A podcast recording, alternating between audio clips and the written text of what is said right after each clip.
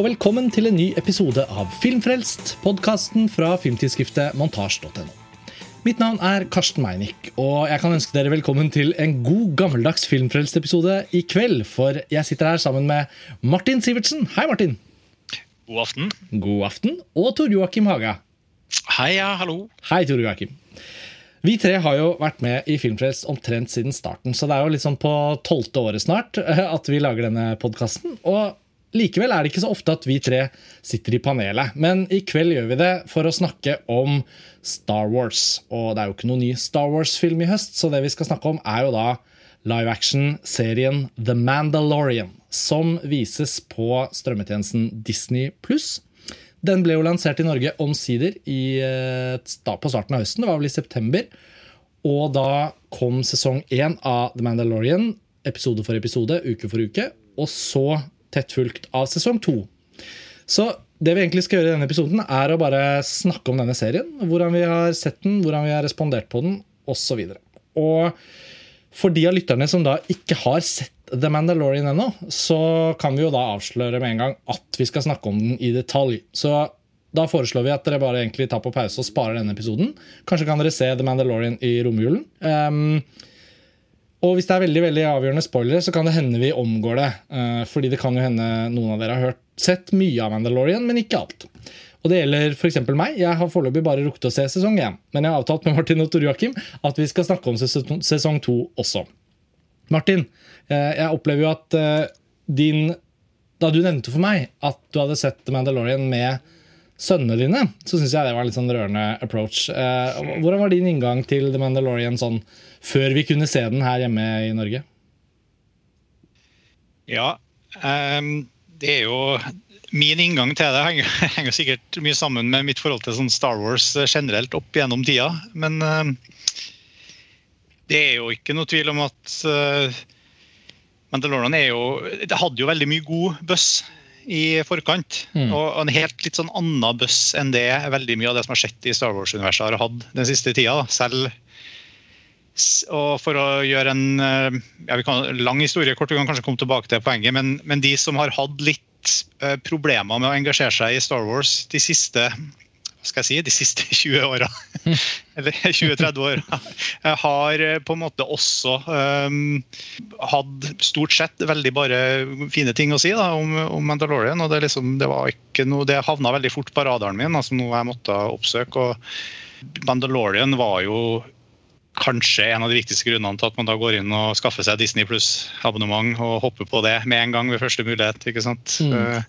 Da Disney, å, mm. da Disney Pluss ble lansert i Amerika rett før jul i fjor, så var jo også The Mandalorian egentlig den eneste originalproduksjonen de hadde å by på. da, mm. altså Disney Pluss ble jo lansert på hele legacy-greia med at liksom her har dere alt av Lucasfilm, alt av Marvel, alt fra Disney og Animation og Pixar og Fox. Så de hadde jo masse bibliotekstoff. For en legacy! Ja, det er jo, det er jo nok å ta av, sånn sett. Men, eh, men, da den da ble lansert i Norge i høst, så hadde de jo økt på litt med, med, med varsler om andre ting som skulle komme. Men det var jo tydeligvis bra nok selling point. da ja, så det har vært en sånn veldig For meg, da, som, som eh, Nå er jeg jo Du var inne på det. altså Fra å være eh, fast inventar og programleder i Filmfest til å nå se såpass lite film at jeg, ikke, at jeg bare er med et par ganger i året som gjest. Så, så jeg på en måte, Var det én ting vi kunne snakke om, så var det nettopp Mandalorian, da, som jeg nå har sett liksom jevnlig hver helg. Da, med, nå har jeg jo to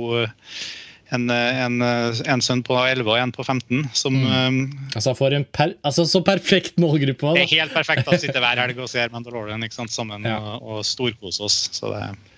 Og siste episode av sesong to den ble sluppet i dag, ble den ikke? Jo. jo. Så dere har akkurat sett den, begge to?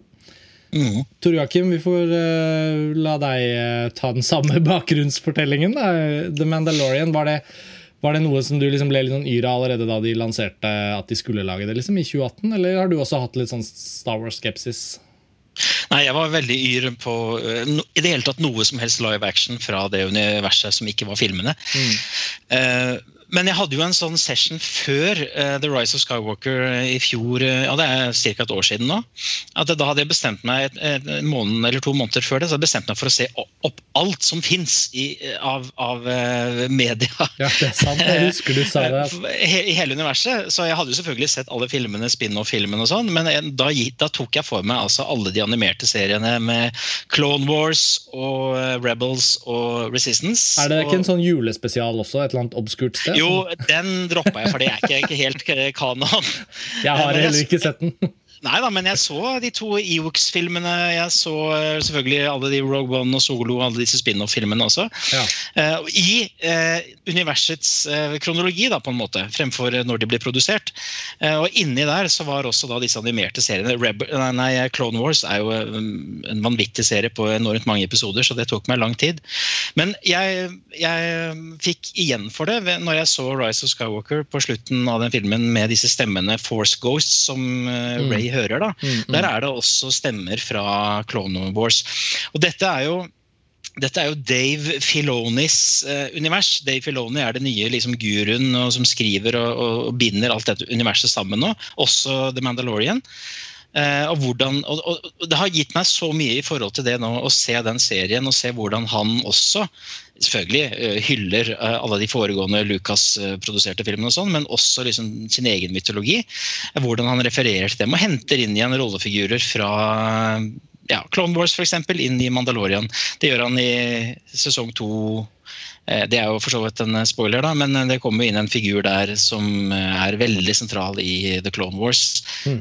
Så, så, så det, ikke sant? Men han, han, Dave Filoni er på en måte For det er jo John Favreau som er på en måte den store showrunneren og produsenten. Og ja, men, mens, han, mens han, Dave Filoni er på en måte den som sørger for Star Wars uh, At Star Wars-arva blir liksom ivaretatt på en ordentlig måte. Og det er nok uh, referanser, og, og, at alt stemmer rent sånn law-messig. da ja, det er Filoni som gjør det. Altså, eh, Favreau er jo en, eh, han er en god sånn sjangerhåndverkertype. Men han er ikke noen sånn stor hjerne bak dette her, føler jeg.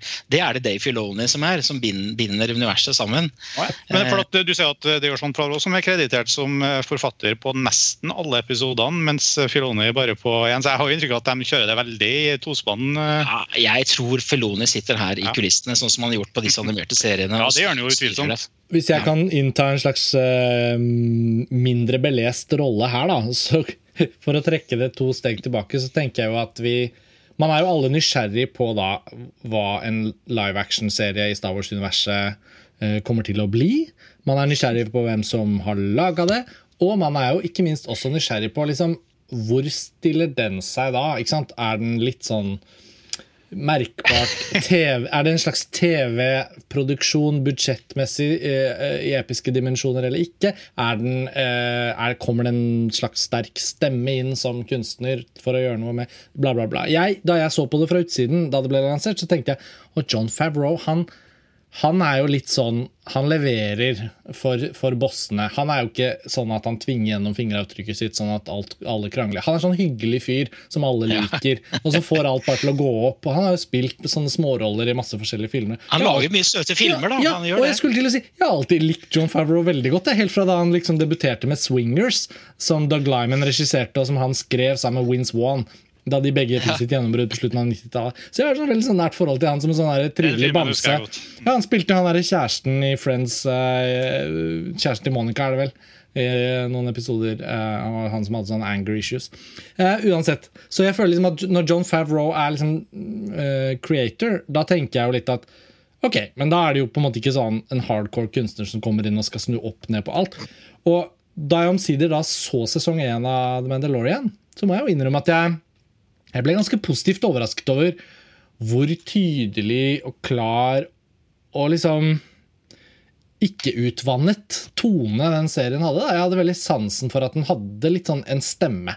Mens han Dave Filoni har jeg bare så vidt lest litt om, men jeg har skjønt at han er en sånn type som har på en måte gått, gått, gradene litt. Ja, Men han er ikke så gammel. så liksom sånn, nei, nei. Hvor kommer han inn, og hvilken rolle spiller han? Men Nå skjønte jeg det litt på hva du sa, da, Tor Joakim, men det kan hende det er en del lyttere som har det litt sånn som meg, at ikke de helt kobler det navnet. Men han har skrevet og regissert i hvert fall én episode, og han er executive producer på hele sesong Så har han lagd alle disse animerte seriene, som jo er hele Lauren til, eh, til ja. Men Ikke sant? For, for, for ærlig kjente ikke til han før, og det har nok sammenheng med at jeg ikke har sett mesteparten av de her animerte Mm. Som du, altså Clone Wars og Rebels og Ja. alt det her. Um, Men hvor, hvor han har vært en veldig viktig figur. da. hvis vi skal trekke da uh, lytterne som velger å høre på, selv om de kanskje ikke har sett hele serien, inn helt kort, Martin. Hva er The Mandalorian? Hva er premisset her? Ja, altså, Premisset er at vi følger jo uh, den her figuren, da, The Mandalorian, som er Han, han er jo For, dem som liksom har litt sånn kun overfladisk kjennskap til Star Wars-universet, så så er jo han på en måte en bounty hunter, litt i samme stil som den her Boba Fett fra Star Wars-filmene. Mm. Så han er en eh, Mandalorian som har på seg den her Mandalorian-rustningen og fra planeten Mandalore. Eller han er på en måte tatt opp i den Mandalorian-ordenen. Jeg, jeg har ikke noe leksikalsk kunnskap om det her, men det er på en måte det som er hovedpersonen. og Han, vi følger da han eh, gjennom hans eventyr, da, rett og slett. i Og det som er litt eh, spesielt her, da, litt sånn frigjørende, at eh, ja, det, den er jo satt i en slags tidslinje i Star Wars. eh, eh, mytologien her, som du sa, mellom, altså mellom episode seks og, og sju, blir det vel. Altså etter Før The Force Awakens. Men, men det som er befriende, og som jeg tror også har vært en veldig sånn befrielse for serieskaperne og for, for seerne òg, ikke minst at den er på en måte eh, ikke veldig eh, opptatt av å fortelle denne familiesagaen eh, igjen, som vi har blitt fortalt i alle de nye filmene her, som er liksom eh, Luke, Anakin Skywalker, eh, eh, Rise and Fall og Darth Vader og, og hele denne historien her. Den er, den er mye mer spissa og klar og, og, og handle om den her det, det litt mindre universet rundt eh, den her Mandalorian-figuren, som, som var en av eh, store grunnene til at, tror jeg, at det her fungerer såpass bra. Da, at man har klart å liksom riste av, av seg mye av eh, grunnen til at, at man kanskje føler at man har kjørt seg inn i et slags spor med, med mye av det som har skjedd på, på Star Wars-filmfronten de siste årene. Ja, så er det jo, må du jo legge til at det er en sentral uh, narrativ mekanisme her, at han skal passe på denne lille baby Yoda som heter Ja, Grogu, Grogu da, er navnet hans. og han skal, eh, Det er liksom the det, det, det, det overarching mission her, på en måte. Ja. Ja, for Han er jo en sånn hardbarka kriger, Mandalorian Bounty Hunter, da, sant, som er veldig tøff, men så får han da ansvar for, for et uh, lite barn. Da. Et, et alien-barn, en, en baby Yoda, som, som det selvfølgelig blir, blir hoveddrivkraften. Og dette Bounty Hunter-yrket egner seg jo ekstremt godt for litt sånn episodisk TV. For han får jo et oppdrag og skal av gårde og løse det. For et oppdrag skal av gårde og løse det. I hvert fall i starten av sesongen, da, hvor det liksom ikke er de store spørsmålene er liksom ikke satt opp uh, ennå, så syns jeg jo liksom inngangen i serien, når man først får liksom varmet seg og får på en måte ristet av seg litt sånn Werner Herzog uh, er Werner Herzog bare i Star Wars-universet Det er noen sånne greier i starten her som er litt sånn OK, greit, vent litt nå. Er jeg inne i en fiksjon nå, eller er jeg et slags meta-univers? Men det er det jo bare cineaster som bryr seg om, liksom. De fleste vanlige folk eh, kobler jo ikke Werner Herzog, antageligvis. Eh, hvis ikke de tenker på han som bad guyen i den Tom Cruise-filmen om Jack Reacher, liksom. Så, nei, men jeg tenker sånn uti der, sånn episode 3, 4, 5 Det var vel en episode som het The Gunslinger, tror jeg. Hvor det var en sånn yngre bounty hunter som uh, ba om hjelp fra The Mandalorian for å få seg liksom, fange en sånn uh, wanted person. Som skulle ta han opp i et sånt uh, i fagforeningen, liksom. Det syns jeg var en sånn forløsende episode. Da følte jeg liksom OK, da er sånn, da er vi litt sånn med på den reisen. Og jeg nevner dette fordi forskjellen mellom disse spillefilmene på kino og denne serien er jo er, altså, visuelt sett og effektmessig sett syns jeg ikke egentlig det er så enorm forskjell. Jeg hadde kanskje trodd det ville vært en større forskjell i forhold til budsjetter og hva man kjøper, og sånn, men jeg syns det er ekstremt velprodusert. Men den store forskjellen er jo at narrativet og hele strukturen er veldig sånn episodisk. Da. Og Ja, men det, det hadde jeg litt sansen for. Men det har jo også vært en eh, Jeg følger jo sånne forumer vet du, hvor man har filmmusikkfans og film, science fiction-fans. Del, vært del av dine innsikter fra dypet. Ja, Nei, men Der har det vært veldig mye kritikk nettopp av den antologiaktige eller episodiske, som du sier, eh, fortellermåten her. Eh, det er jo, Hver episode er på en måte sin egen greie. og Det er litt den samme oppskriften med at han skal kanskje redde noe lokalt for å komme videre med, med denne, denne, dette oppdraget hans, da, som jo handler om dette lille barnet. Og, og, og, men for meg så er det en stor, stor styrke. Det er litt sånn som Solo, eh, som også fikk masse kritikk. Eh, men det er en anledning til å bare være i et univers og oppleve planetene og rollefigurene. Ja. Eh, Det minner er egentlig ganske mye om Firefly. På den måten. Ja, det, men det er, dette er jo det litt store problemet med f.eks. Rise of Skywalker, som var så uh, rask. Den skulle få med seg så mye plott Ja. i løpet av sin spilletid. Mens her, sånn som i Solo og i denne serien, så handler det mer om å nei, nå skal vi roe oss ned, nå skal vi oppleve Star Wars-universet. Og det er liksom store styrken, føler jeg, da.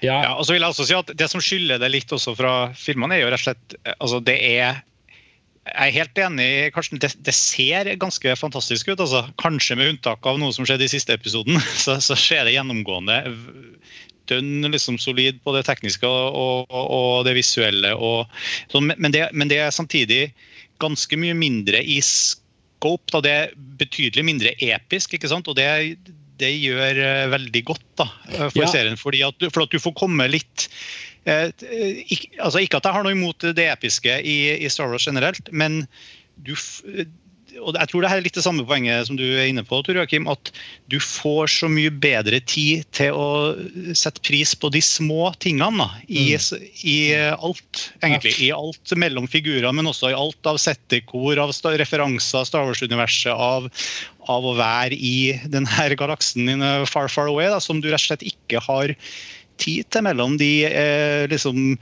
eh, ja, den episke storylinen som må hastes gjennom, selv om du, du, bruk, du kjører det over ni filmer, og, og, eller særlig de siste filmene. Og, Ja. um, og, og, og du på en måte du, du, du har ikke alle de her beatsene som du må gjennom. Dem, um, og det setter, det setter i hvert fall jeg veldig pris på som, som tilskuer her. da.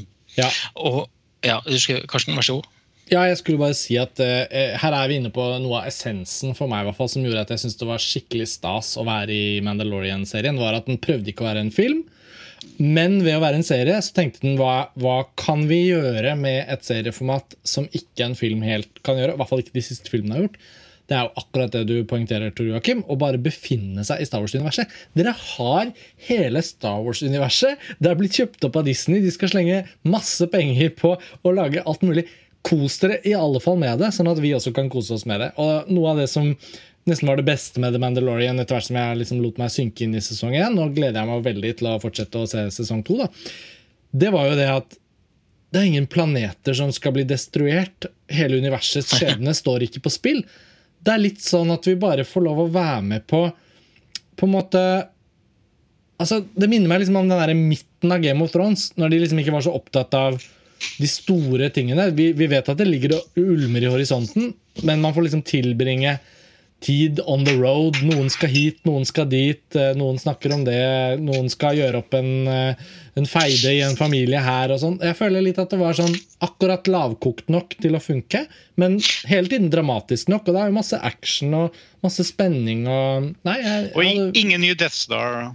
Jeg, jeg, jeg liker det skikkelig godt, rett og slett. På en sånn trivelig måte. Men jeg har hele tiden, mens jeg har sett, så har jeg tenkt veldig sånn Dette er for liksom, eh, gutter og jenter mellom 11 og 15.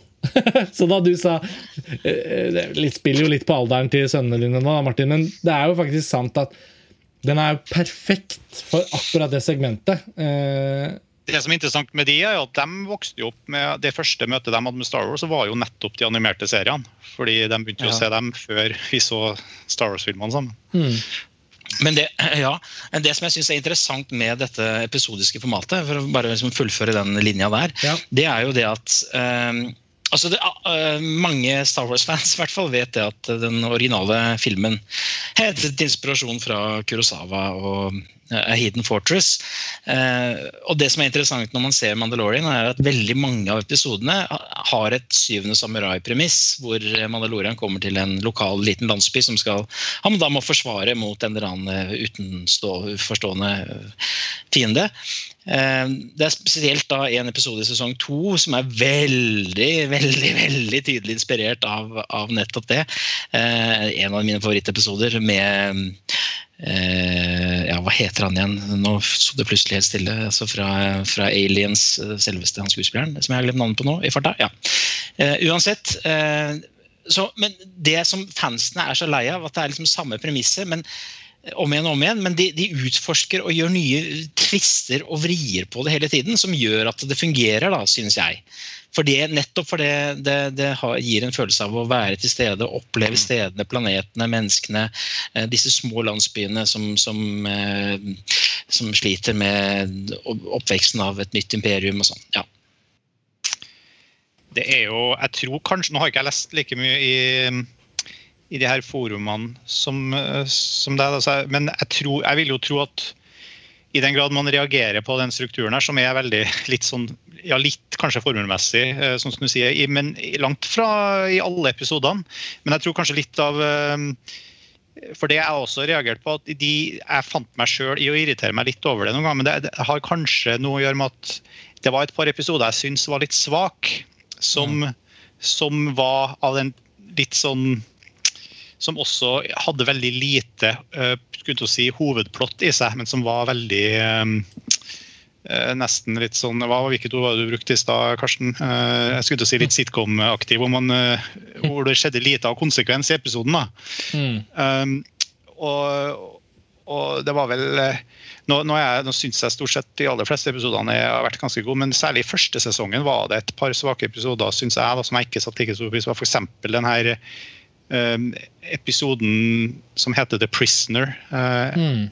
Kapittel seks, hvor de møter et sånt eh, eh, Hvor han Mandalorian møter en gjeng med gamle kupaner, som, som, en gammel gjeng som samles for å gjøre et sånt heist, et sånt prison break om bord på et, et skip. Og, mm. og, og, hvor det må introduseres for en håndfull characters som er på en måte veldig karikert og overdreven, og de tuller rundt og, og, og gjør det her oppdraget sammen. Og, og som er ganske sånn jeg Som jeg, som jeg syns var en ganske svak episode, rett og slett. Da. Og mm, det er kanskje det som også Jeg tror kanskje det er et par av den typen episoder hvor ikke kanskje det er formatet i seg sjøl som er problemet, men at det blir tydelig når de episodene kanskje ikke er så gode heller. da. Det er jo en, det er den eneste episoden i sesong én som ikke hadde Favreau eller Filoni som uh... ja. Det er interessant.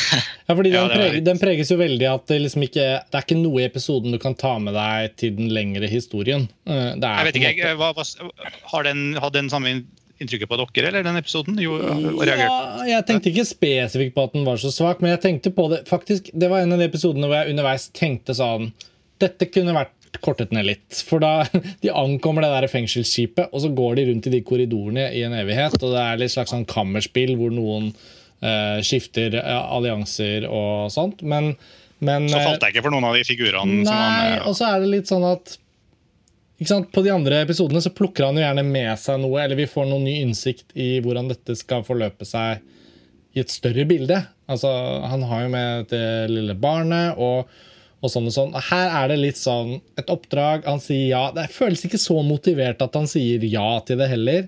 Uh, og så blir det litt sånn at han løser problemet, og så kjører han videre på en måte i universet. Det er ikke noe gærent med det, men uh, jeg vet ikke. Det er litt sånn sånn uh, jeg ville jo ikke kritisert Bonanza for å ha en sånn episode innimellom. Nei. I gamle dager. Men, men, ja. Hvis du skjønner hva jeg mener. Så det er jo litt sånn... men, men, du har jo veldig tydelig de der episodene hvor, det kom, hvor de, de, lander på en planet, og så er lokalbefolkninga plaga av en, eh, ja. en, en, lokal tyrann. ikke sant? De, mm. ja. Men sånn som akkurat den episoden da, på den grønne planeten i sesong én. Der møter han jo hun Gina Caranos eh, rollefigur, som blir jo sentral på slutten av sesongen. i hvert fall. Så og videre i sesong to. Ja, det regner jeg med. Og hun er jo veldig kul. Jeg syns hun var veldig kul i den Steven Soderberg-filmen. Eh, var det Hva var den het igjen? Uh, ja, ikke sant? Ja. hun er jo egentlig sånn MMA-fighter. Um, ja. men, men, hun er jo ikke en typisk skuespiller. Og når hun da får lov å bare utfolde seg i et sånt univers som dette, så er jo hun helt perfekt. Jeg, jeg, jeg tenker at det hadde vært smart av dem å bruke hver episode i sesongen til å hvert fall introdusere noen elementer som får noe lengre jeg vet ikke, får noe varighet. da. Haywire heter Men, den filmen hun var med i. Eh, ja, Haywire, ja, selvfølgelig. Men det, det, som er på en måte det som er det, det er det, som er den lange linjen her, det er jo selvfølgelig eh, Baby Yoda. Ja. Fordi for, det er, og det er et så genialt grep, for vi, vi, vi, vi, vet ikke hvilken rase det er. Vi kjenner til Yoda, og vi kjenner til denne kvinnelige Yoda-figuren Yad, Yaddel fra, fra, The Phantom Menace, som sitter i dette jedi-rådet her. Det hadde jeg helt glemt før du sa det nå. Men ja, ja nei, men, det er ikke så mange kjenner til han. Nei, Det er veldig mange som tror at det er Yoda, bare veldig dårlig laget. Men det er jo en kvinnelig eh, av samme rase. da. Eh, så vi vet veldig veldig lite om den. Å bruke det som en sånn, sånn, katalysator for handlingen, uansett om handlingen er sånn perifer, det synes jeg var, det er bare et genialt grep. Det tipper jeg er Filoni som har satt i gang med det. Det er bare min, min Så er det en veldig søt dukke? Ja, så er det deilig å ha, ha, ha det, det, fysiske ting. Ja. Mm. Ja, det er jo en veldig nydelig skildring av den lille babyen gjennom sesong én, i hvert fall. Um, den er jo akkurat til stede nok og akkurat lite nok brukt, kan man si, da, til at man eh, er veldig sånn med på, på at den ikke tar for mye fokus. Jo, når den først dukker opp helt i starten, så er det jo veldig sånn Baby Yoda, herregud, hva er det som skjer? Men etter hvert så har jeg følt at den har liksom blitt litt sin egen ting. Um, så Det er jo det jeg er mest nysgjerrig på i sesong to. Nå kan jo dere sikkert avsløre litt av det, men, men, jeg blir jo veldig nysgjerrig på hvordan de skal liksom få dens det er bare, ikke noe mindre viktig. Det, Nei, ikke sant, men både dens opprinnelse og dens uh, purpose og, og ja. hvordan det ikke sant, Det blir man jo veldig spent på. da. Jeg syns det er litt rart at altså, den babyen er jo 50 år gammel. Eh, ja. Det er bare sånn litt ja, at, og, og, Ikke sant, Yoda er jo 900 et eller annet. Så, så, ja.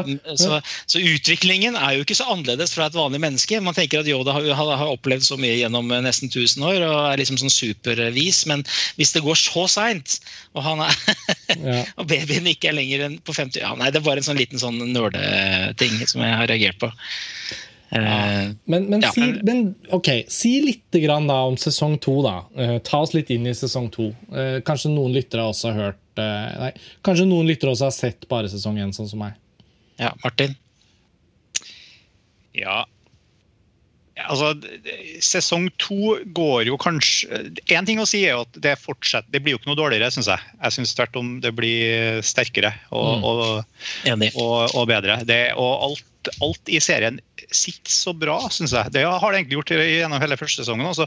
Det er en ganske sånn eh, du, den, du sier den er mye basert på, på samuraifilmer. og sånt, og Det er utvilsomt helt riktig, uten at jeg har sett så veldig mye samuraifilmer. Når jeg ser han, eh, han Mandalorian med liksom Yoda hengende i eh, saltaska, si, eller bærende på baby-Yoda. og jeg, klarer, jeg, tenker alltid på det her legendariske shotet fra Hardboiled med Cha Yun Fat som står der med en baby i hendene. Og, men, men, men, jo, men altså um, Det som Men alt, altså actionkoreografi og alt sånt er bare knallsterkt gjennom hele, og det er mye action, og det, det er kult. Men, men, det er også det er jo mer uh, historie i toeren. på en måte. Du får svar på en del av Eller svar og svar. Du får i hvert fall vite, lære mer. da. Du får liksom det suget etter litt mer eh, kunnskap og den nysgjerrigheten du føler på, Karsten, den blir mm. på mange måter oppfylt. da. Mm. og, og, du kommer liksom videre med det. og, og ja, den, den, bygger videre på en eh, veldig god første serie. og det syns jeg den Jeg har kost meg gjennom hele andre sesongen. Første sesongen drev jeg og rynka på nesa et par ganger over at jeg syns det var ja, jeg vet ikke, det var, var liksom ikke den beste episoden. Og, liksom, men sånn har jeg ikke sittet i hele tatt gjennom sesong to. da. De har jo henta inn eh, andre litt mer kjente regissører i sesong to òg, med Bryce Dallas Howard, eh, Carl Weathers, som, som, jo har en rolle i filmen, og Robert ja. Rodriguez, som jo gjorde en eh, episode. Ikke, det var en overraskende OK Det var helt OK episode. Ja, helt OK. Ikke min favoritt, men, men, Nei, ja. men, men Bryce Dallas Howard hadde regi i sesong én òg, og da skvatt jeg litt da jeg så det navnet. Jeg vet jo at hun har gjort litt kortfilmer og sånn, men det er jo morsomt å se at hun nå kanskje hun virkelig følger i sin fars fotspor. Da. Det er jo hun hadde Kult. den uh, skulle si Vietnam-episoden, eller den uh, Mm, den, den, den grønne, planeten. planeten. Ja. Og, så er det hun Deborah Chow, er det det hun heter? Som har gjort et par episoder. Så de har jo til og med fått til å ha kvinnelig regissør i Star Wars-universet. Mm. Ja, så det fungerer kjempebra. Eh, og det kommer jo også noen nye rollefigurer inn, og noen veldig heldige skuespillervalg, syns jeg. Særlig, kan... særlig, Rosario Dawson kommer ja. inn og spiller en veldig kul, eh, kul Oi, der også. Ja, hvorfor sa du ikke det med en gang? Da må, jeg, Nei, bare, er, da må jeg inn og se sesong to med en gang i kveld. Det er egentlig en slags eh, spoiler, fordi det handler litt om en referanse til Clone Wars. Ja. Vi trengte å si hvem hun spiller. Nei da. det er ikke så mange som har sett Clone Wars. Hvis hvis, hvis, de har sett Clone Wars, så har de allerede sett hele Mandalorian før de hører på denne episoden. Ja. Så dedikerte tror jeg de er. Og dessuten så har Star Wars, nei, så har Disney nå eh, sagt at de skal lage en eh, egen serie basert rundt henne. da. Mm. Eh, så, er, og hun er en sentral figur i, i Clone Wars. Men The Mandalorian må jo ha vært en veldig Uh, altså En ting er at vi liker det og er engasjert til å snakke om det på denne podkasten, sånn, men noe annet er jo hva Disney ser på tallene sine inne på denne plusstjenesten sin. Og de har fått ekstremt mange abonnenter. Og nå, for en ukes tid siden, så hadde de jo en offentliggjøring om at de skulle lage 10 000 nye produksjoner, eller hva det var. Det var jo liksom så mye at det var vanskelig å få oversikt over alt de offentliggjorde på en gang. Ja. Men det som Star Wars-messig kan sies, var jo at de nå var det ti forskjellige live action-serier eller noe sånt. Det var en, jo... en, av dem hintes allerede etter slutteksten i siste episode av sesong to. Ja, så, så, så, presenteres på en måte den en av de uh, tusen seriene de skal lage. da. Men, ja. men, de skal jo gjøre Obi-Wan Kenobi-serien med, med Ewan McGregor og Hayden Christensen. Ja. Oh, det, det gleder jeg meg til. Det blir gøy. Mm. Det blir ordentlig gøy, tenker jeg. Håper ja, jeg får inn noen bra folk forkjemper for prequel. En av de få som kjemper hardt og forsvarer dem. Så jeg, for meg er det helt topp. Ja, men ikke sant? Jeg tenker sånn, Hvordan kan det ikke fungere? Det er jo ikke noe å tape. Jeg mener, Det er jo tre filmer som ikke kanskje har like høy status, skal vi si det på den måten. Og, men Ewan McGregor er jo en glimrende skuespiller. Hans Obi-Wan Kenobi var det aldri noe feil med, syns jeg. i hvert fall. Og bare tanken på at de skal gjøre det som en live action-serie. Apropos det vi nettopp snakket om, da, at da har man tid til å liksom la det puste og bare la karakterene Og Obi-Wan Kenobi han må jo være en av de mest ikoniske figurene vi egentlig ikke helt har fått sånn Hans eventyr, da, hans jeg tenker det høres ut som en Ja, altså du, Jo da, du har fått det i Clone Wars. der har du fått masse. Ja, ok. Men, men, men, jeg har ikke fått det, da. Eh, nei, nei. Men jeg tenker at det som er interessant her, er å se hvordan Ewan McGregor glir gradvis over til å bli sir Alec Guinness. Mm. Det syns jeg er spennende. da. Mm. Morsomt. Så, det, så det ble offentliggjort, og jeg føler at The Mandalorian da må ha litt ære for å klare å forløse det. da, At, at det her er det et live action TV-seriepotensial, liksom, eller strømmeserie, da, som, um, som, virkelig folk uh, har sansen for. Da. Jeg, jeg, føler noe av det vi har beskrevet nå, er kjernen til hvordan de lykkes. En tilleggsting jeg har lyst til å skyte inn, er at jeg synes det var utrolig sympatisk av dem å lage episoder som var sånn 34 minutter. 38 minutter. Det var liksom, det var liksom 50 plutselig, ja, det, det varierer veldig. ja, ja, men den variasjonen Jeg har litt sånn sansen for det. At ikke de tvinger seg til å være eksakt sånn eller eksakt sånn. det er jo et tegn på strømmetidsalderen nå, at ikke det er nøyaktig 48 minutter episoder, og så skal det være 12 minutter reklame, og så har de fylt en time av TV-sendingen. liksom. Nei, ja. Så selv om det er ting å liksom kritisere, og det er kanskje ikke så voksent og gravalvorlig som filmene har blitt. og sånn, Men det tenker jeg egentlig er en bra ting. da, At det er tilbake til å være litt sånn lekent og gøy. og, og, og noe som kan vises for yngre og, og frelse nye fans. da, Det er jo sikkert et mål i seg selv. Jeg må bare skyte inn jeg skal, Martin skal få ordet nå, men jeg, jeg vil bare skyte inn det at selv om eh, selv om det er veldig veldig, veldig mye å like i det taktile her, i hvordan de som jeg allerede har sagt, i hvordan de lar oss oppleve stedene og, og, og rollefigurene, og sånn, så er det, nå har jeg noen innsigelser. og Mye av det handler om eh, Ludvig Göransson, selvfølgelig, som jeg misliker meget sterkt. Som uh, kanskje noen lesere vet. Og det er også tilfellet her. Men, uh, men, jeg prøver å, å bare lukke det ute når jeg ser, ser serien. da. Jeg ville bare skyte det. Ja. Det er kjempeartig, syns jeg. Ja, for Martin... Det, du, det, det, det, må vi bare snakke om med en gang. for må, eh, Det er veldig artig at du sier det. fordi du, Jeg vet jo at du er en kjempestor eh, John Williams-fan. Mm. Og selvfølgelig, hvem, hvem, er jo ikke det? Men uh, men, men, kanskje du mer enn noen jeg kjenner. da, og Eh, og selvfølgelig liksom Star Wars, verdens mest ikoniske filmmusikk. Men jeg må virkelig innrømme at den her kjenningstemaet uh, og orkestreringa og sånt av uh, Mandalorian-kjenningsmelodien, uh, den er jeg utrolig svak for. Altså. Den, har, den har jeg gått og nynna på i hele høst. Og, og det måtte Ja. altså, den, er, den, er, den, er, enkel, kan du si, og, og, og ikke så den, det, den er Spagettivesteren. Det er simpelt. Altså, enkle toner og sånt, men det er utrolig effektiv og veldig catchy. Altså, og jeg har vanskelig for å mislike det. Jeg husker jo, jeg hadde også ingen problemer med Tenet-soundtracket eksempel, og satt stor pris på lydbilder. Sånn, så jeg syns, eh, jeg syns, det er så rart å høre at du misliker den så sterkt. Kan du ja, utdype litt mer hva du ikke liker? Nei, Du må ikke sette meg i gang på Tenet, i hvert fall. Det blir en egen podkast. Ja, men, men, men, men, jo, da, jeg, kan, jeg, kan, si det. det er, han, er, han, er, veldig simplistisk. Han er noen ganger, og det gjør han også i Mandalorian, han er en slags annenrangsversjon av Bill Conti, som han åpenbart er veldig glad i, da, som du hører i all filmmusikken hans. Black Panther og Creed og alt mulig. Eh, også unngår han altså, Kanskje ikke bare han, men hele mm, apparatet bak har sagt at du skal faen meg ikke referere noe som helst til John Williams. Og Det, hadde, det syns jeg er så synd, for det er øyeblikk der hvor man kunne brukt The Force Team. Det er, kun én gang i løpet av de to sesongene så har jeg hørt en eh, svak, bitte liten femsekunders referanse. og Det er eh, sesong to, hvor det refereres bitte litt til The Force Team når da denne Grogu gjør, gjør et eller annet. Men, men, det er så enkelt, harmonisk og melodisk at jeg det, ja, altså jeg var jo like rasende på Michael Giacchino i Rogue One, men, men dette er uh, samme nivå for meg. og det, det, er veldig frustrerende da, når du er så glad i en serie og glad i Star Wars-universet, at du hele tiden må forholde deg til eh, en musikk da, som kommer og, og bryter seg inn og, og, og ødelegger litt. Så du, du, eh. føler at du, liksom, du ønsker deg jazz, men får power chords? Og... Ja, det kan du godt si. Ja. Eh, jeg, jeg, ja. altså, for meg er Ludvig Göranssons 'Keiserens uh, nye klær'. Og det kommer jeg til å stå hardt på inntil jeg, det motsatte er bevist. Så snart må jeg si det. Jeg har dom. Jeg, jeg var jeg tenkte ikke engang over musikken i de første par-tre filmene jeg så, som han hadde komponert musikk til. De første par filmene, Tor Joakim.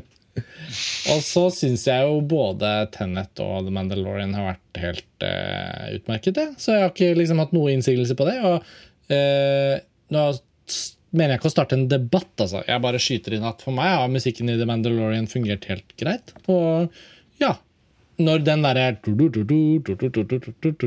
kommer litt sånn i bakgrunnen der, så føler jeg litt at ja, det er en liten sånn Det er litt sånn stemningsfull og litt sånn uh, identitet. Men mye, sånn, mye av den musikken som ikke er sånn Som ikke tar så mye plass, da, men som, som egentlig bør være like bra, den har jeg ikke noe å si om. Den bare glir inn i lydbildet for min del. Altså. Men uh, nei, jeg kan ikke si at jeg er like streng som deg Nei, Det var én liten fin ting, og det var på slutten på rulleteksten på siste episode, hvor han prøver seg på noen sånn barokkversjoner av sitt eh, Mandalorian-tema. Dette herre ja. Eh, eh, ja, det, ja.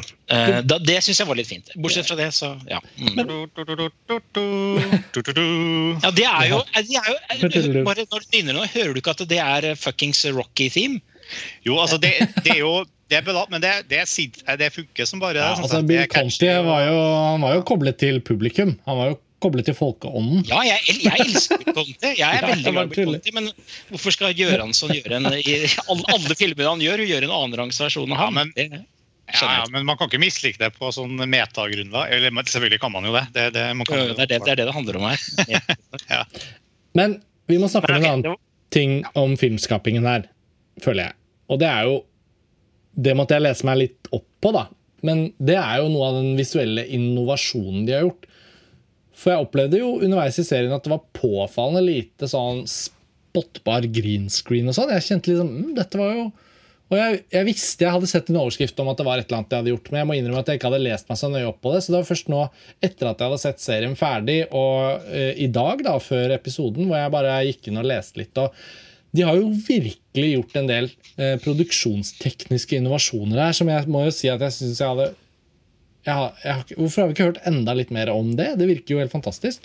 Eh, det, kan jeg litt om. Ja, Martin, du må fortelle. Det er jo en teknologi som heter stagecraft, på noe som de kaller the The... Kaller de kaller det, det, det uh, ikke The Stage, men uh, Ja, et eller annet sånt uh, Jeg holdt på å si The, pro the Project. Si the, the, Room eller The Orb eller et eller annet sånt. Jeg husker ikke hva de kaller det. The Volume. ja, noe sånt. Men, var det.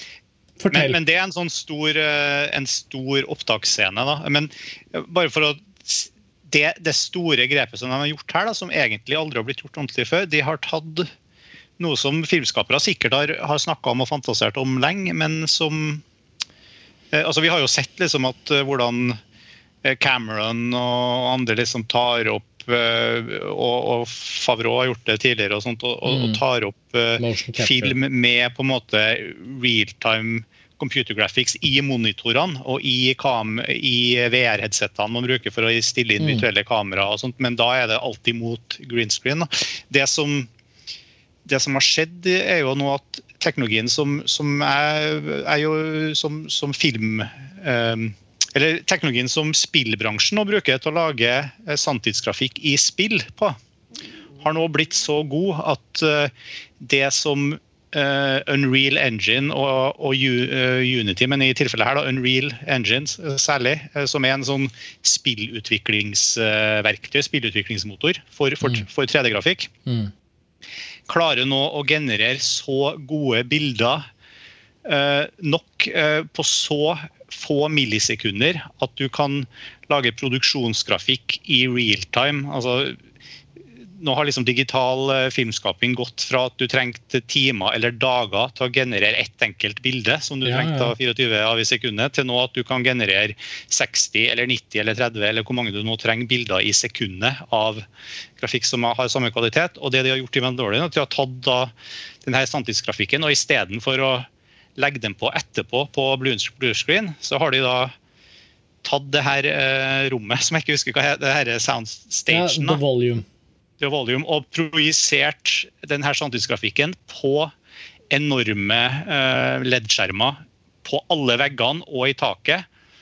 Og synka det opp uh, denne samtidsgenererte grafikken. Da, eh, som, og synka den opp med kameras bevegelser, som sørger for at, at vinkler og alt mulig sånt, og dybde og, fo og fokus og alt mulig sånt blir eh, projisert i sanntid ut på de her skjermene. Så, så konsekvensen av det er at de, de, setter, de kan da filme skuespillerne mot backdrops. altså Det minner jo litt om sånn rare sånn projeksjon og sånn som, som, du alltid har brukt i film. Men, men, det er nå på en måte eh, fullstendig 360-produksjon, bortsett fra på gulvet. På gulvet så, så, må de fortsatt kle gulvet med det som er scenens om det er en scene som foregår i ørkenen, så må de legge sand på gulvet og ha noen uh, props og sånt, noen kulisser i området direkte rundt skuespillerne. og sånt, Men alt av, av backdrops og uh, det som tidligere var matte paintings eller uh, green screen-vegger, det er nå faktisk sanntidsgenererte datagrafikkbilder da, som, du, som du slipper liksom å legge på i etterkant. Og, og, det tror jeg de hadde veldig nytte av for å kunne nettopp lage denne serien sikkert ganske effektivt da, eh, og fortsatt få den til å se så bra ut. Og du, du får da også bonusen ved at alle de her LED-skjermene som viser denne datagrafikken, de belyser jo også skuespillerne, sånn at de får liksom de rette refleksjonene og den rette lyssettinga av miljøet. Uh, uten at de må drive og vifte masse fake lys foran dem og liksom, late, liksom fake. da.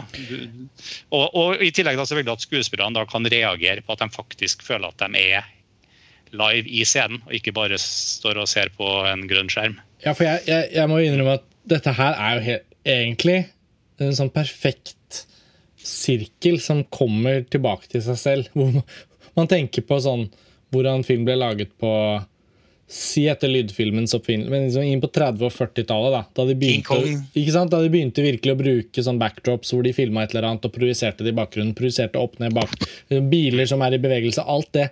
De var jo så innovative den gangen også. De gjorde alt de kunne. Og det du snakker om nå, Martin, og som jeg da har lest litt om før i dag, det føles for meg som en sånn ekte, sånn skikkelig sånn sjumilssteg.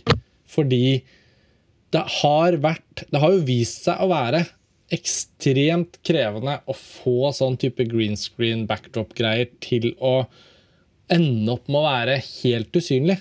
Det føles som om da, vi har fått vår egen sånn estetiske kvalitet som er sånn Ja, det er for så vidt bra, men jeg kan jo merke at det er noe her. Og det føler jeg vi har kjent på nå i en digital eh, filmkultur i i hvert fall 15-20 år. da. Men, men, det vi ikke har klart til nå, det er jo det skal, Vi skal ikke bruke så mye tid på det, for det er jo en slags spoiler, men det, det handler litt om eh, ansiktsgjengivelse. Uh, uh, vi, vi, ja. vi, har sett det i Star Wars-universet med Peter Cushing og med uh, Leia i Rogue One. Jeg skulle ønske det, jeg kunne ikke se den Peter Cushing-greia. Kunne jeg fått ja, visket ut den, så hadde jeg blitt veldig fornøyd. Ja, ikke sant? Og det, du har et tilsvarende enda verre problem i sesong to av Mandalorian. så har du tilsvarende problem. Uh, ja, det er leit å høre. Jeg har så lyst til å si til Hollywood at eh, vi er ikke der ennå. Altså. Kan, dere, kan dere være så snill å roe dere ned på det derre jeg synes, ja, Nå syns jeg det fungerte rimelig greit i The Irishman. Der vet jeg at mange er uenige med meg, men, men, men, men vi er ikke der ennå til at vi klarer akkurat den biten. Ja, det, var, det, var, nesten litt sjokk, syns jeg. Jeg har nettopp i dag nå sett siste episoden av Mandalorian, eh, sesong to. Mm. Og jeg, ja, Uten å si hva som skjer der, så er det et nytt nettopp på det du sier. Det som på, og jeg var nesten sjokkert over hvor dårlig det tilfellet av eh, Katastrofe! Av eh, CGI-generert eh, Særlig når jeg vet at vi kan bedre. Altså, mm. Teknologien har faktisk kommet lenger nå altså Vi har jo sett mange eksempler på at det er gjort bedre, men det var liksom katastrofalt dårlig. da. Og Det er litt sånn overraskende, ettersom den serien her også har vært gjennomgående så god på alt av effekter. Sånn, selvfølgelig, fordi mye, mye har vært ja, mye har vært praktiske effekter. Yes. Mye har vært minotyrer og dukker og, og backdrops og, og, fysiske effekter. Mens, mens denne heldigitale her, der, der krasja det fullstendig. Og det syns jeg hele serien ble faktisk litt skadelidende av. Altså. Det er veldig foruroligende å høre, da. Dette var jo ikke ja. gode nyheter. For noe av det beste med sesong én er jo Jeg hadde lyst til å si det når vi nettopp snakket om det med teknologien. at liksom Noe av det fantastiske er jo da at selv om jeg har lest om det nå i etterkant, så føler jeg jo virkelig at serien bare puster og lever og bare er veldig troverdig. Og alt det du sa, Tor Joakim, om at de der LED-skjermene lyssetter skuespillerne og gir dem de miljøene de ikke klarer å respondere på hvis ikke de er der, det er jo så sykt viktig. Men ja, sånn der face replacement og sånn, alt sånn derre gjøre folk yngre, gjøre folk eldre alt det har virkelig vært vanskelig å få bra. Og på de mest kostbare filmene så er det jo fortsatt ikke bra nok. Um, og det, jeg, jeg, kan komme på ett eksempel nå. Det blir litt sånn inn fra venstre, da. Uh, kanskje ikke den filmen dere tenker på til hverdags, men uh, Fast and Furious 7. ja, for Paul Walker døde jo underveis i den innspillingen. Mm. Og det var så mange scener de måtte gjøre med Uh, uten Paul Walker, åpenbart, men uh, for å gjøre noe med det. Og de hyret inn brødrene hans. Og de fant så mye materiale fra de andre filmene som de hadde skutt av Paul Walker. Noen ting de kunne bruke. da. Liksom limte inn ansiktet til Paul Walker rundt omkring i, i Fast and Furious 7. Og de tok seg ett og et halvt år ekstra for å gjøre filmen ferdig. Men det er et av de få eksemplene jeg har hvor jeg tenkte at jeg ser ikke hvor det er de har gjort det. liksom. Jeg, jeg, jeg tenker ikke underveis i filmen at det er noe sånn noe galt med og, uh, og det er litt synd at det er det eneste eksempelet jeg kan komme på hvor det virkelig er godt laget. Mm.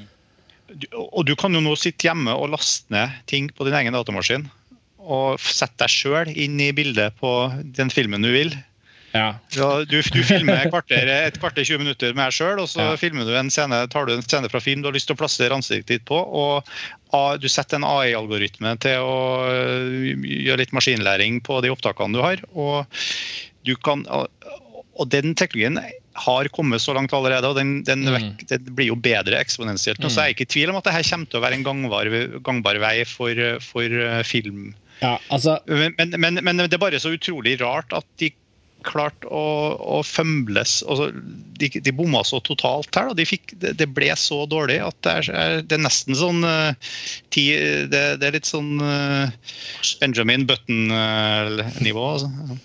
Ja, altså um, Det mest drepende YouTube-videoen som fins om dette, det er en fyr som hadde tatt en sånn deepfake på hele Irishman og byttet ut digitaleffekten Robert De Niro er yngre, med bare bilder av Robert De Niro som er yngre i andre filmer han har vært med i. Og det var jo så mye bedre at det var helt sjokkerende hvor mye bedre det var. Ja, det stemmer det. Jeg har sett det. Ja, det, ja, men det var, sånn, det var så mange nivåer bedre at det var liksom nesten bare Man ble helt fnisete, og det ødela faktisk The Irishman for meg, jeg tror, en gang for alle. Ja. Og jeg skulle ønske at man gikk for sminke. Ja, rett og slett. Ja, selvfølgelig. Eller bare en yngre skuespiller, hvis det var så utrolig viktig. Det beste med The Irishman er jo når de er veldig gamle, og den, den når de liksom skal gjøre dem eldre, det fungerer jo. Men eh, Nå er vi ute på en eh, lang eh, digresjon, ja. for så vidt. Men det er uansett morsomt at The Mandalorian inspirerer til å snakke litt om eh, fortellerteknisk utvikling òg, Fordi jeg syns jo at det er det vi snakker om nå, med det som har blitt skapt for The Mandalorian, da, dette Stagecraft og The Volume, måten de har filmet det på, det har jo bidratt til at serien kan opprettholde en veldig høy kvalitet på det visuelle materialet, men uten at den trenger å være en sånn storepisk film med veldig mange skal vi si, ting som står på spill. Da. Det tristeste med Rise of Skywalker var at den skulle oppfylle så manges forventninger. Fansens mm. forventninger, publikums forventninger, altså billettsalgsforventninger. Eh, det var så mye til slutt at det eneste den filmen gjorde, var å forløse ting som skulle leve opp til noens forventninger. Den glemte å være sin egen film. Ja, altså jeg, jeg rakk og så vidt og gråte litt eh, ved Leias eh, død mm. eh, når jeg så Chewbacca reagere. Mm. Eh, men eh, bortsett fra det, så var det Og det var bare så vidt, for det, rett etter det så gikk vi videre til noe helt annet. Eh, og det er jo akkurat det som er hovedpoenget mitt tror jeg, i denne podkasten. Det er at Mandalorian gjør det motsatte av det. Den, den, er ikke så opptatt av narrativ fremdrift og at alt skal, altså alt skal være liksom nye, nye ting for hver gang. Det er eh, en opplevelsesorientert serie, da, tenker jeg, mm. i det universet. Ja. Så hvis vi skal starte på en oppsummering, Martin. Hva, hva, hvordan har responsen vært da hos dine to sønner nå på sesong to? Liksom, er det noen forventninger? Jeg regner med at det kommer en sesong tre?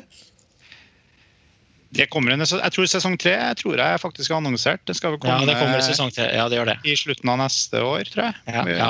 På tampen av 2021. Mm. Nei, Responsen hjemme er veldig god. Altså, vi, vi, sitter og gleder oss til hver episode og har gjort det nå. um, og jeg må jo jeg, jeg har lyst til å si en ting som jeg setter veldig pris på også med serien. som jeg synes er kjempe, det er så, Selv når episoden er over, så er det fortsatt bra. For du får liksom du får de her konseptillustrasjonene uh, oh, som episoden er basert på. Det er helt fantastisk. Det er et sånn veldig enkelt grep, men det er superkult. Jeg er ja, så, glad i det. Det er så bra, og det er så god stemning. Det er så hyggelig å få lov å se en rulletekst.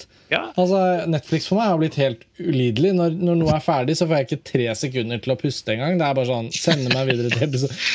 Mens på, på Mandalorian, på Disney Pluss, sånn som det funket hos meg, så måtte jeg liksom ja, ok, nå har jeg sett ett og et halvt minutt rulletekst. Jeg kan gjerne hoppe videre til episode 5 nå. Skal det være noe Nei, jeg må fortsatt vente litt til. Ja, ok, greit. Til slutt så kommer det sånn. Nå begynner ja. neste episode om 15 sekunder. Og, men også, men, og, og, de bildene her, da, den sekvensen, at de tar seg, at de liksom, ja, de gir oss det også. Litt som, det er litt som de plakatene jeg hadde på veggen fra Star Wars uh, fra Empire Strikes Back når jeg var liten på rommet mitt. altså de, det, er litt, det, er akkurat det samme som du var inne på tidligere. De bare, det er opplagt at her er det et kult univers å bare være i. Og, og her, vær så god, her er litt mer. Liksom. Her er mer vi har laga. Her, mm. her, er det vi har basert episoden på. Her, ja. Det er som, som, som Ralph Maguire, ikke sant? Det er, det, det er de du hadde på veggen. Ja, ja nettopp. Akkurat ja. han, det var han som malte det med konsept. Yes. Ja, dem hadde jeg på vei. Og, og, og det er bare Ja, det er dritkult, rett og slett. Mm. Så nei, jeg, jeg, er veldig klar, klar, for mer. Og jeg har, jeg har jo vært gjennom noen sånne eh, ja, i likhet med mange andre sikkert. altså gått og Etter å ha liksom vokst opp halvveis Jeg var jo ikke, jeg er jo ikke gammel nok til å øh, være med på de første Star Wars-premierene. Så jeg så jo alle Star Wars-filmene sånn på tampen av 80-tallet, begynnelsen av 90-tallet. Men, um, men liksom og da gått gjennom litt sånn enorm eh, forventning til prequelsen, og så litt sånn skuffelsen der. Og så litt sånn ikke like enorm, men fortsatt stor forventning til neste sekvens med, med sequels. Og, og, og, liksom til å ha blitt litt sånn trøtt på hele greia. Til å ha fått litt sånn eh, litt sånn troa igjen, i hvert fall på, på den serien her. Det er jo litt bekymra for Marvel-effekten. altså Den slutten på episoden var jo en veldig sånn Marvel-film. Nå kommer det som, som innpå, nå kommer det ti, ti serier og 20 filmer. Ja. Ja. Mm. Så, så, la oss håpe det ikke ender der, da, men altså, det er jo, det er jo en, en, av verdens aller mest populære og kjente underholdningsmerkevarer. så Jeg skjønner jo at det, at det skjer mye i Star Wars-universet, og sånt, men, men uh, The Mandalorian har foreløpig vært liksom et, et høydepunkt da, uh, siden uh, siden uh, Empire. Eller siden, uh, mm. siden 19-tallet. Mm. Mm.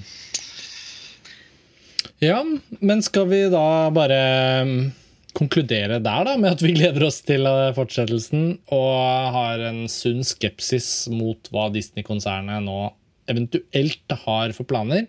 Det er likevel, som vi var inne på da vi snakket om Obi-Wan Kenobi-serien, sånn, så føler jeg jo likevel at det er, det er en positiv klang at, uh, at, det forskes videre i universet. Så kan det hende at noen serier faller litt til siden og ikke er like bra, mens andre bygger opp under og kanskje utvider fiksjonsuniverset litt. Og så ble det jo offentliggjort et par nye filmer òg, Tor Joakim. Mm. Så nå skal det jo fortsette, men jeg vet ikke helt hva vi hva vi tror om den retningen. Eh, ikke for å starte et nytt tema, men Neida, men Jeg likte jo det de, de tisa på slutten av eh, Mandalorian-episoden. altså Den nye The Book of Boba Fett. Det er jo en TV-serie, da. Mm. Eh, men hvor han får et nytt liv mm. med den samme skuespilleren som spilte. Eh, og da blir jeg så glad når de, når de tilkjennegir skuespillerne og plot-elementer fra prequelsene. Det er jo den samme skuespilleren ikke sant, som spilte da Jango Fett. Eh, han er fra New Zealand, jeg husker ikke hva han heter. Ja, ja, ja.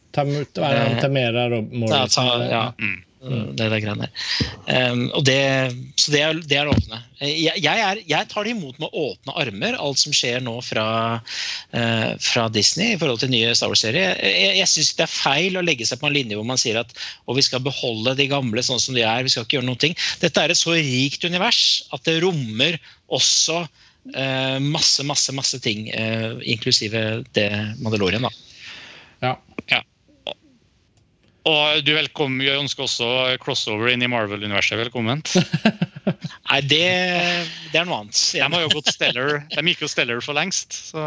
Ja, nei, jeg vil ikke ha noe crossover. det vil Jeg ikke. Jeg håper ikke de lar seg friste. Uh, hvis John McClain dukker opp, eller noe sånt, for noen fra Fox-katalogen skulle dukke opp, så er det jo litt uh, funny. Eller Ripley.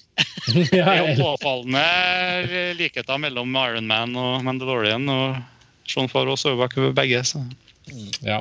Nei, vi får eh, tiden vil vise. Um, lytterne og vi går jo nå etter hvert inn i en jul hvor man ikke skal i så mange selskaper som vi pleier. Og det har jo vært et spesielt år, så det kan jo da sies at uh, det å ha Disney-katalogen og sånt inne på denne Disney Pluss, og det å ha Mandalorian to sesonger hvis man ikke allerede har sett det, da, det er jo eh, bra påfyll eh, til det som er av tradisjonelle julefilmer osv. Så, videre. så så For de som ikke har sett det, i hvert fall. Og for meg med sesong to så kommer dette til å bli en sånn herlig liten sånn eh, avveksling fra jeg forsøkte ikke, forsøkte ikke spoile for mye for deg nå, Karsten. Nei, det var jo ingenting som ble spoilet, følte jeg. Fordi jeg klarer ikke å koble det dere sier med, med hva som kan skje. Men, men uh, avvekslinger fra juleselskapet syns jeg alltid har vært viktig, uansett hva slags jul det er. Og i år så blir det vel én type juleselskap som man bare har om og om igjen, med færrest mulig folk. Så kanskje det blir ekstra viktig i år med litt underholdning. Um, og med det sagt så, så tror jeg kanskje ikke vi har så mye mer Hvis ikke vi skulle startet på et helt nytt tema nå, så er, kanskje, er vi kanskje i mål, da. Mm. Eh, da vil jeg jo bare benytte anledningen til å ønske dere to en veldig god jul, Martin og Tor Joakim. Og til lytterne så Vi har nå en del podkastepisoder på planen nå som sånn romjulsunderholdning, så jeg håper vi kan by på mer enn mer enn en episode om The Mandalorian. Og når vi runder nyåret, så er det jo ikke så lenge til det kommer årslister. Eh, så får vi se hvordan det blir etter et veldig uvanlig eh, kinoår, i hvert fall. Så det vil vise seg. Men eh, Martin og Tor Joakim, dette har vært veldig trivelig, syns jeg. Jeg kjenner liksom, jeg har veldig lyst til å liksom bare si takk for i dag, og så gå og så sette på sesong to av The Mandalorian. Det er mulig! Mulig jeg faktisk gjør det. Gjør det. This is the way.